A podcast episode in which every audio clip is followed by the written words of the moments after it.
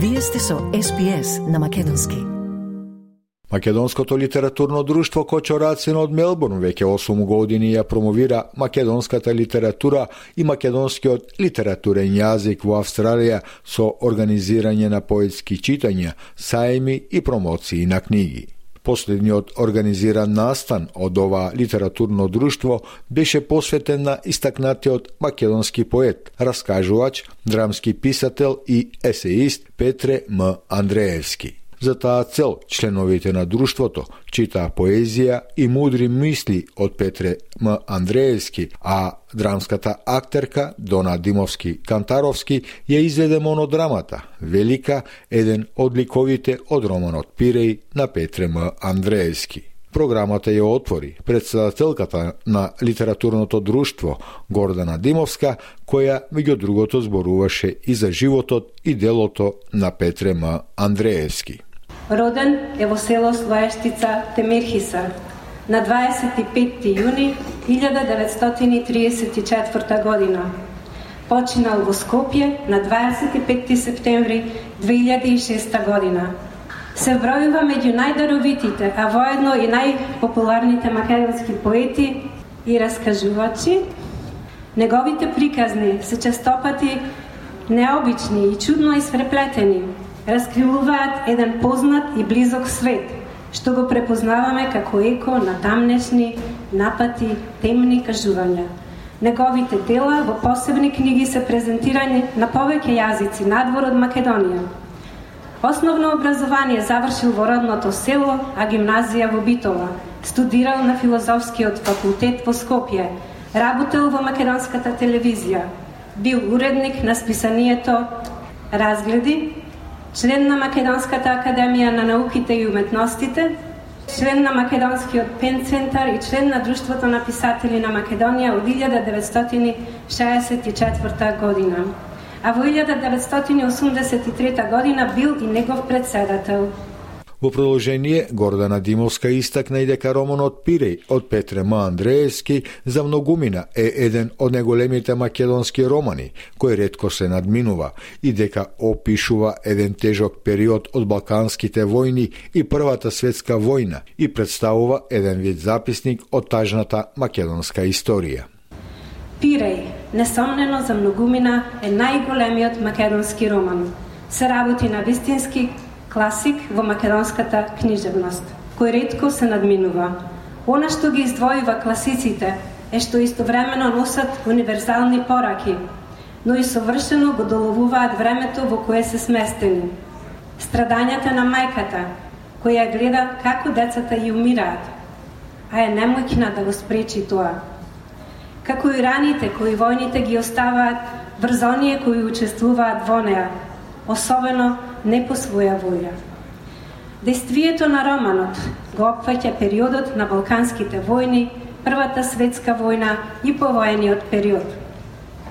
Истовремено Пиреј е длабоко испреплетен со македонската историја. Тој е записник на едно тешко и мачно време за македонскиот народ, кога се случувало и двајца браќа да стојат на две различни завојувани страни. Пиреј е еден вид книжевен споменик на страдањата на македонскиот народ и тажната историја преполна со трагедии и растргнувања. На настанот следуваше и вовед и представување на ликот Велика од романот Пиреј од Крсте Наумовски мечкар. Племето наше е Пиреј и не гоништи ниту една војска. Ама ти, колку сакаш кошкаја, корнија, кубија, таа пак не умира. Само малку ке допре до земјата и пак ќе оживи, ќе потера. Ништо не ја ништи таа треба, ниту племето македонско а ликот на Велика, која символизира борбеноста низ најтешките судбоносни моменти за македонската жена во воениот период, низините страдања, тага по загубените деца, и храброста да најде начин да обстои во најтешкиот период, успеа да ја долови во монодрамата актерката Дона Димовски Кантаровски, еве дел од монодрамата Велика. Јас не го знаев и она. Немаше каде да го знам. Јас сум од она село подолу. А еднаш на крстевица берење туку речи како да го подвидов, ама па многу далеко. Ако ке си смеел тогаш, ке си можел да се гледаш тогаш беше ако ти пушти некој сонце од огледалце. Тој ке ти пушти, а ти ке му го свртиш лицето. Е, такво беше сакањето. Ама мораш да се видиш одблиску да не алипен човекот. Многу разбрав што немат. Е, еден ден ме споја со Јонета долу кај мостот. Јас оданде, тој одаде. Сестра ми ме така двата, не знаеме што да проговориме. Нозете ни се тресат. Е сега носо му е малку прчест, ама сум слушнала дека луѓето со таков нос се малку зли, лоши. Ама си вам, ај мори велико, не сечеше кај што не те јади. е така, после даде Господ со Јонета си дадовме збор. даде Господ и децата почна да се раѓат. Со ангелета многу си знамачив.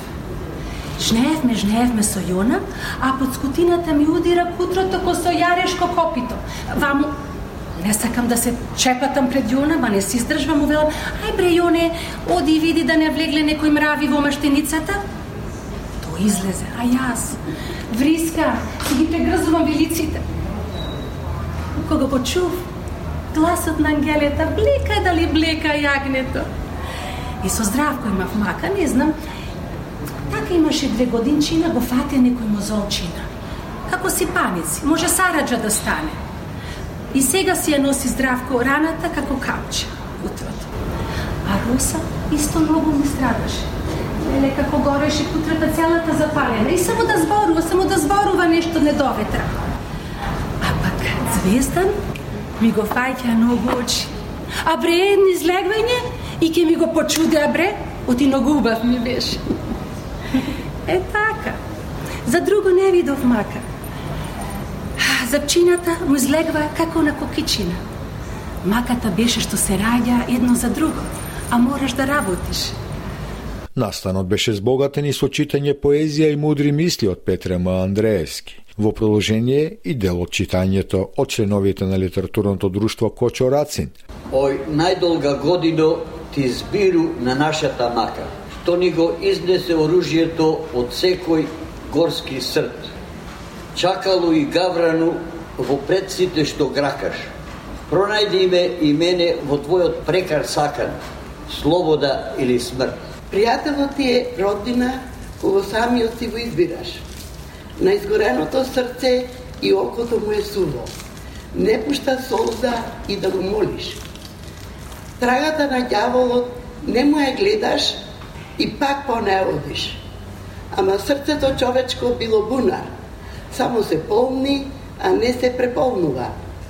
На селаните среќата им е променлива, а несреќата постојана.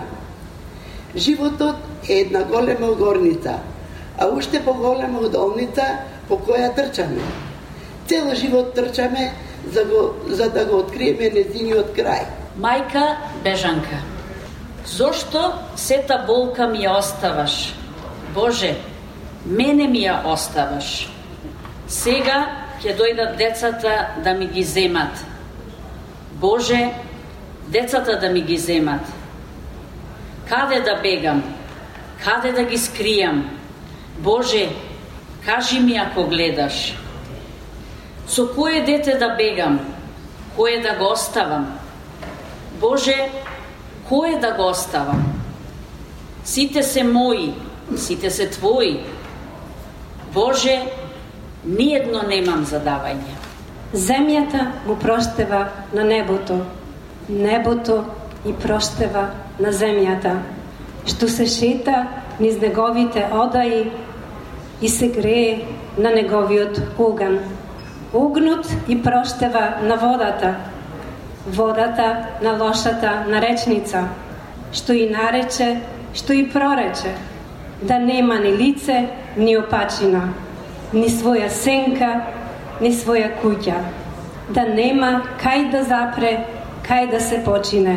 Денеска секој секому проштева. И во најголемиот очај ти поминува некоја ненадејна искра во душата и сите темни места во исто време ти ги осветлува. Луѓето се исти, велам јас, ама умот не е ист во луѓето. Да беше толку убав животот, не ќе започнуваше со плачење. Ништо не е повидливо и ништо не е поприсутно од твоето отсуство.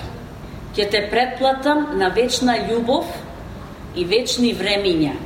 Ќе те љубам и губам и во пости и пред гости. Само да ме сакаш. Трето писмо од циклусот Пет љубовни писма. Беше тоа еден ден што траеше цела година. А беше тоа кога помислував дека твојата коса ни стуѓи прсти истекува ко млас вода и косува пченица. А јас останував сам и сите остануваа сами. И возовите добиваа нови и незнајни брзини и веќе никаде не можеа да запрат. И тревите почнуваа да ветреат во лажна прелюба. И сите ветрени коли носеа од моите боли. А беше тоа кога помислував дека полната светлина од твојата уста капе и се меша во туѓа пладнина.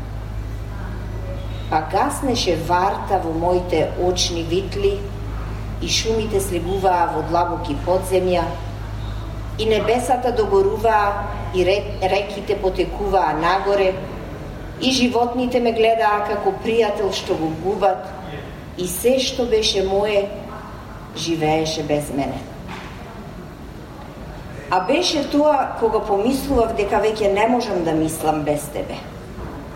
Да почнував да личам на сите мои предци, на сите мои предци, а најмногу на себе си. Беше тоа еден ден што траеше цела година. Сакате ли да чуете повеќе прилози како овој? Слушате подкаст преку Apple Podcasts, Google Podcasts, Spotify или од каде и да ги добивате вашите подкасти.